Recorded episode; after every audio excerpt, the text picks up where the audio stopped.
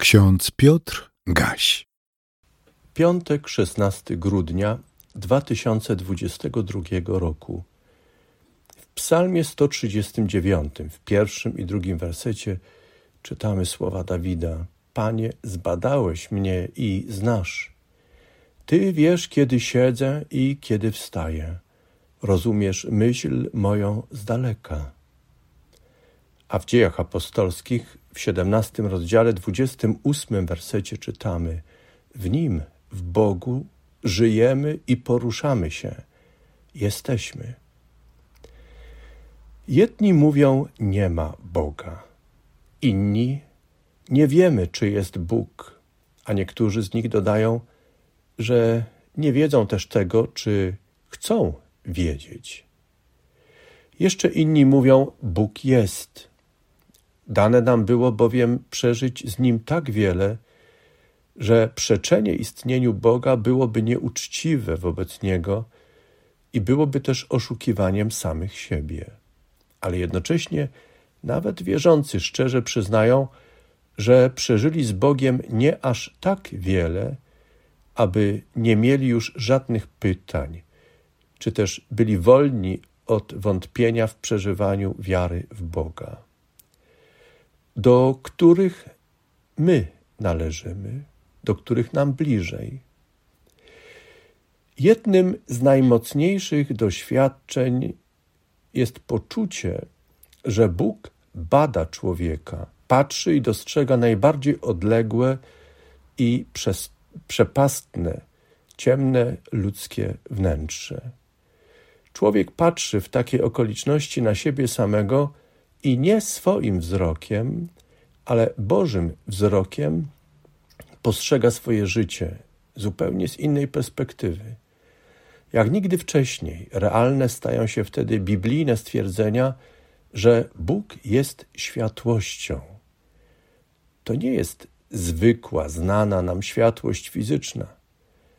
Dzięki Bożemu światłu zostaje wydobyte w nas wszystko, także to, czego nie mamy ochoty oglądać, bo nie chcemy do tego wracać, co spychamy w najbardziej odległe i ciemne zakamarki naszego myślenia, naszego wnętrza. Bóg jako światłość przenikająca wszystko ujawnia nasze sprawy, kładzie je przed naszym ludzkim sumieniem. Często w pierwszym odruchu w takich chwilach jest nam wygodniej uciekać przed Bogiem.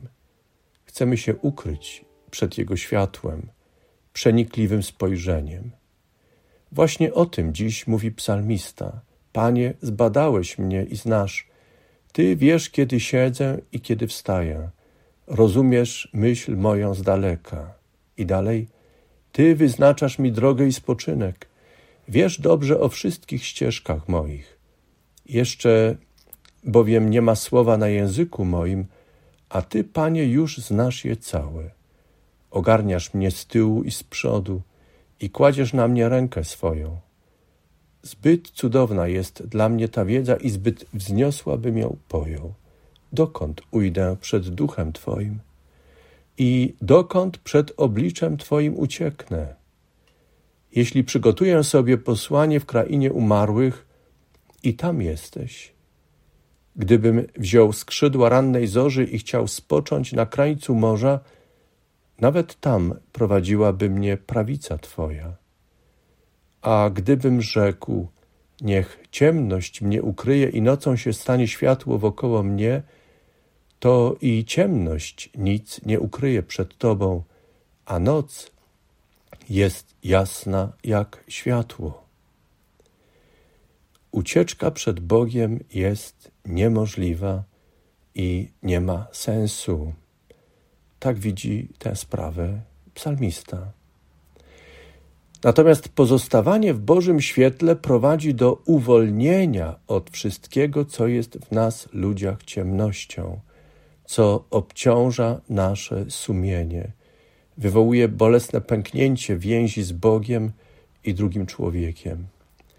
Boże światło, doświadczanie Jego mocy prowadzi nas ku zdrowieniu, ku przywracaniu dobrej więzi z Bogiem i drugim człowiekiem.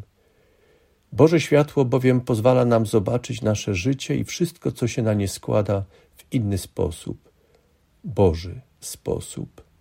Naturalnie, objęci Bożym światłem, stajemy przed pytaniem, czy naprawdę chcemy uczyć się nowego życia z Bogiem przez chodzenie w Jego światłości. Czy chcemy żyć z Bogiem poprzez poznawanie Jego woli na podstawie kanonu pism Starego i Nowego Testamentu i wdrażać je w codziennej praktyce? Psalmista w swoim przeżywaniu Boga zdecydował, że tak, chce tego. I w ten sposób tymi słowami prosił Boga: Badaj mnie, Boże, i poznaj serce moje, doświadcz mnie i poznaj myśli moje, i zobacz, czy nie kroczę drogą zagłady, a prowadź mnie drogą odwieczną. Apostoł Paweł w swojej mowie na Aeropagu zwrócił się do filozofów i wszystkich ludzi poszukujących mądrości, dobrej i roztropnej drogi. Przypomniał wtedy, że nasze poglądy na temat Boga i wiary nie zmienią tego, że my zawsze żyjemy w Bożym świecie. Nie On w naszym, ale my przebywamy w Jego świecie. On nie jest naszym gościem, ale my na Jego zaproszenie i za Jego przyzwoleniem gościmy u Niego. Nic i nikt tego nie zmieni. Z Jego łaski jesteśmy i ku Niemu zdążamy. Jehuda Halewi, lekarz i filozof, jeden z największych poetów hebrajskich, żyjący w XII wieku, piszący poezję w języku hebrajskim, a dzieła filozoficzne w języku arabskim, jeden z twórców złotego okresu kultury żydowskiej w Hiszpanii, napisał również takie słowa modlitwy. Słucham Twego głosu i wielbię Cię. Moją ufność pokładam w Tobie. Nie pytam o nic i nie oczekuję wyjaśnień. Czyż garnek pyta garncarza, cóż uczyniłeś? Szukałem Cię i znalazłem, a Ty stałeś się dla mnie ostoją, schronieniem, twierdzą i ucieczką a pokój Boży, który przewyższa wszelkie zrozumienie, niechaj strzeże serc i myśli naszych w Chrystusie Jezusie Panu i Zbawicielu naszym. Amen.